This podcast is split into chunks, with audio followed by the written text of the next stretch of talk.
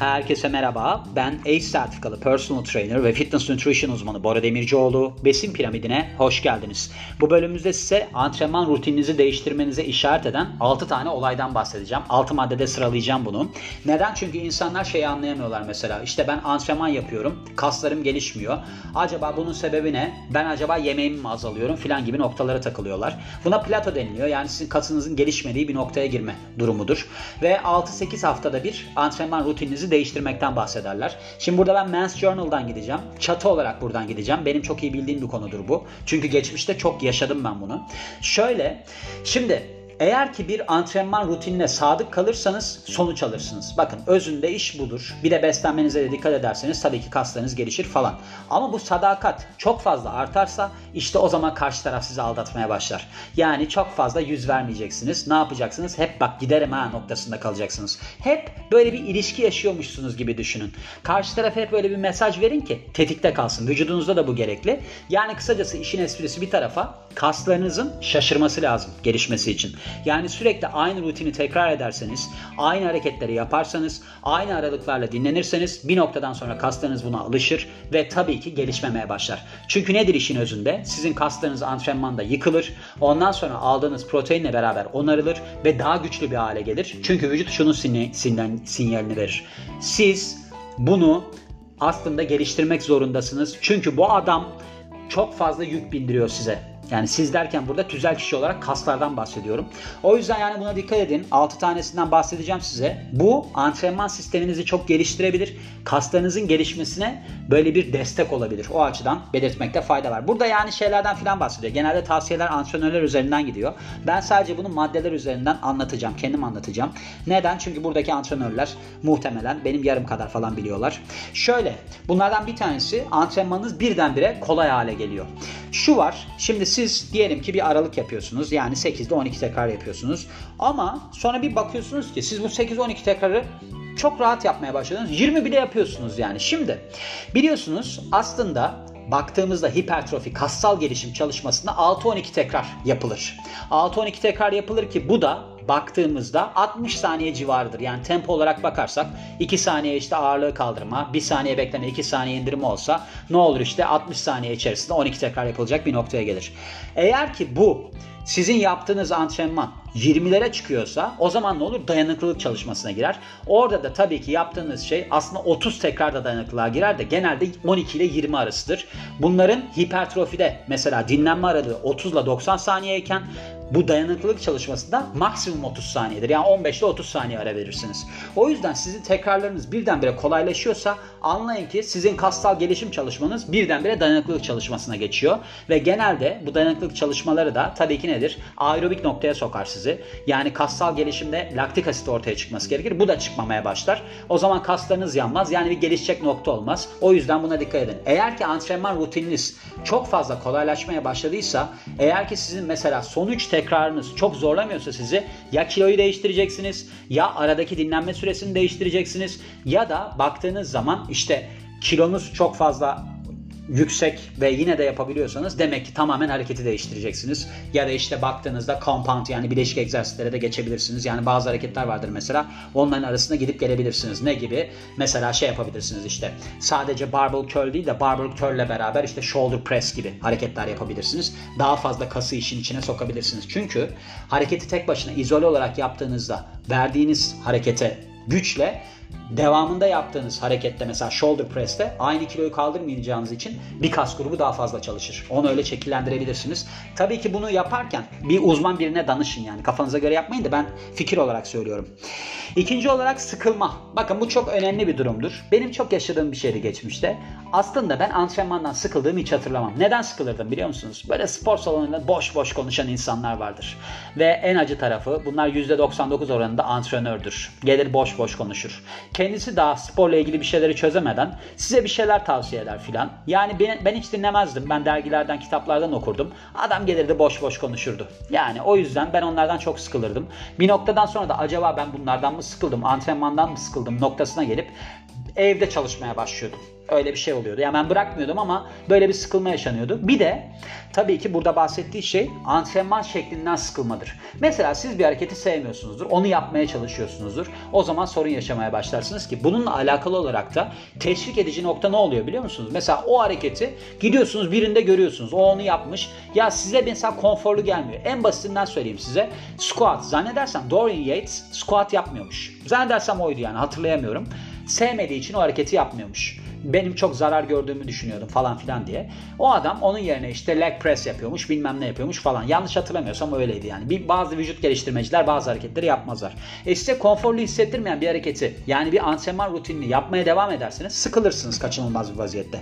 Ne gibi düşünün? İşte kız arkadaşınızla canınız sıkılıyor ama ilişkiye devam etmeye çalışıyorsunuz. Oluyor mu? Olmuyor. İşte onun gibi düşün. Kız arkadaş gibi düşünün yani. Ardından gerektiği kadar aç değilsiniz. Burada şundan bahsetmiş. İşte vücudunuzu zorladıktan sonra proteinle kaslarınızı onarmanız gerekiyor. Neden? Temelinde şudur. Siz kas antrenmanı yaptığınızda yani böyle bir ağırlık çalışması yaptığınızda kaslarınız fibril olarak yırtılıyor. Daha sonra biz protein alıyoruz ki onlar toparlansın daha güçlü olsunlar diye. Burada demiş ki vücudunuz bunu talep eder. Antrenmandan sonra vücudunuz böyle bir acıktığını söyler size falan. Siz de yemek yersiniz diye. Buna tam olarak katılamayacağım. Neden katılamayacağım? Çünkü ben hiç şöyle bir insan görmedim. Ya vücudum çok istiyor onun için yiyeyim filan. Genelde bir panik halinde yerler. Mesela der ki ya ben antrenman yaptım. Şakkıdı şukkudu protein tozu sallamaya başlar. Spor salonlarında görürsünüz. Ya da işte böyle tavuklar yer, protein tozları yer falan. Sonra bir de yağlanır. Neden olur o? Çünkü insanlarda bir panik havası yaratılır. İşte derler ki kilo başına kardeşim senin en fazla işte en az pardon 1,5 gram protein alman lazım falan. Böyle bir antrenör kılıklı bir adam çıkar böyle. Daha 20'lerindedir. Hayatı kendisi çözememiştir ama kendinden 15 yaş 20 yaş büyük insanlara akıl verir. Sonrasında işte siz de panik halde tavuklar, protein tozları falan yiyip deli gibi para harcarsınız. Sonra ne olur biliyor musunuz? Şöyle olur. Glikoneojenez denilen bir sistemle sizin bu fazla proteininiz karbonhidrata dönüştürülür. O karbonhidrat da zaten glikojen depolarınız doluysa yağ dönüştürülür. Siz de panik olduğunuzda kalırsınız. Yani böyle bir durumda sizin vücudunuzun istemesinden çok psikolojiniz önemlidir ama işte burada demişken vücudunuz böyle bir şey istemiyorsa anlayın ki yeterince yoğun antrenman yapmıyorsunuz. Heart rate yani sizin nabzınız düşük kalır deniliyor. Şöyle bir şey var. Aslında baktığınızda sizin vücudunuzun zorlandığını anlamanız için %60 ile %80 arasında bir yoğunlukta çalışmanız lazım. Yani nedir mesela %60 ile %80?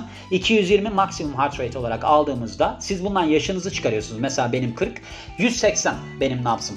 Yani en fazla olması gereken 180.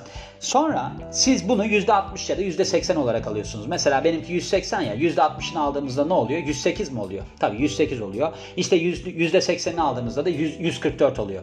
Şimdi bu aralıkta antrenman yaptığınızda aslında bu ne oluyor? Anaerobik bir antrenman oluyor sayılabilir. Yani sizin anaerobik kısımda ne var? Anaerobik kreatin fosfat enerji sistemi var kullandığınız. Maksimum 12 saniye boyunca kreatin sistemi bunu kullandığınız. Bir de anaerobik glikoliz var. Anaerobik glikolizde de ne oluyor? Aslında 60 saniyeye kadar olan bir antrenman oluyor oluyor. Burada çıkan şeyler nedir? Ortaya çıkanlar hidrojen iyonları çıkıyor. Yani sizde bir laktik asit durumu ortaya çıkıyor. Yanmaya başlıyor kaslarınız. Onun için belirli bir yoğunlukta kalmanız lazım. Bunu da sağlayabilmeniz için aslında sizin 30 ile 90 saniyelik aralığı hiç geçmemeniz lazım. 6 set yapıyorsanız, 12 tekrar yapıyorsanız aralarda 30 ile 90 saniye beklemeniz lazım. 90 da çok bu arada. Yani o verilen teoride böyledir de bence 30 ile 45 saniye arası iyi bir aralık. Hadi çok ağır kaldırdınız. Ona da diyeyim ki 60 saniye. O çok ağır kaldırdığınız kilo da genelde şeydir. Mesela kreatin fosfat enerji sistemini kullanırsınız. Patlayıcı kuvvet çalışması yaparsınız. Orada zaten 2 ile 5 dakikadır da hadi dedim biraz daha zorlayayım şu anda. Onun üzerinden gittiğinizde 60 saniyedir. Yani ben genelde 45 saniyeye sadık kalırım. Öyle bir durum yaratabilirsiniz yani. Çok fazla yorulmuyorsunuz. Tabii ki şimdi siz ağırlık çalıştığınız zaman ertesi gün özellikle böyle bir yorgunluk hissetmeniz lazım. Eğer ki siz böyle bir şey yapmıyorsanız, yorgunluk falan hissetmiyorsunuz, ne bileyim ertesi gün ya da ondan sonraki gün bu delayed onset muscle soreness var mesela gecikmeli kas ağrısı onu yaşamıyorsanız ki o 24 ile 72 saat arasında ortaya çıkar. Eğer bunu yaşamıyorsanız anlayın ki siz yaptığınız antrenmandan pek bir fayda sağlamıyorsunuz. Niye? Çünkü aslında yaralar oluşturuyorsunuz kaslarınızın içerisinde. O dokuların onarılması lazım. O küçük yırtıklar da böyle hafiften tatlı ağrıyabilir. Kasılıp kalmaktan bahsetmiyorum. Onların yenilenme noktası orada başlıyor çünkü. Hafiften yaralıyorsunuz ondan sonra toparlanıyor. Ama siz hiçbir şey hissetmiyorsanız anlayın ki bir şey de yapmamışsınızdır yani. Ve herhangi bir değişiklik görmüyorsunuz. Tabii ki çok normal olarak. Yani siz diyelim ki burada demiş ki aynalar yalan söylemez. Siz diyelim ki 4-6 hafta boyunca istikrarlı bir şekilde antrenman yapıyorsunuz. İşte beslenmenize dikkat ediyorsunuz falan. Ama hiçbir değişiklik görmüyorsunuz aynada. O zaman anlayın ki sizin antrenman rutininizde bir problem var. Burada bunlardan bahsetmiş ki doğru şeylerden bahsetmiş. Şimdi Bakın eğer ki vücut geliştirme konusunda çok ciddiyseniz istikrarlı olmak zorundasınız. Bu gerçekten temeldedir. Ve beslenmenize de dikkat etmek zorundasınız. Ben geçmişte çok hatalar yaptım. Yani ben 20 senedir falan yapıyorum bunu. İlk başlarda acayip hatalar yaptım. İncecik insan oluyordum. Böyle hani kasları da istediğim şişkinlikte yapamadan incecik bir insan oluyordum. Sonra da acayip kilo alıyordum falan. Neden? Çünkü ben bu işi bilmiyordum. Bilen birisi de yoktu. Hala da ben görmüyorum yani bilen birisini. 3-5 tane adam çıkıyor. Size o YouTube fenomenlerine falan ilgilenmeyin hiç. Abuk sabuk konuşuyorlar. Saçma sapan şeylerden bahsediyorlar. Yani genelde size ne diyorum ben? Bu işi bilen adamlar İngilizce bilirler. Ya Amerika'dadır bunlar Mesela o Athlean X diye bir tane şey var mesela YouTube kanalı var. O adamın söylediği şeyler doğru. Ama işte o adam yabancı. Sizin onları anlayabilmeniz için yabancı dil bilmeniz lazım. Hadi siz anlayamıyorsunuz. Sizi çalıştıran birinin bilmesi lazım ki size anlatsın ne olduğunu. Çünkü bu çok aslında kinesiyolojiyle yani hareket bilimiyle alakalı bir şey. Bununla beraber de nutrition yani beslenmeyle alakalı bir şey. Bunların ikisini kombinlerseniz sonuç alırsınız. Yoksa çalışırsınız, çalışırsınız ve sorduklarında dersiniz ki ben günde bilmem kaç saat spor yapıyorum filan. Zorunuza gider. Çünkü insanlar der ki ya sen bu kadar zamandır spor yapıyorsun. Ne kilo veriyorsun, ne kas yapıyorsun, ne ayaksın.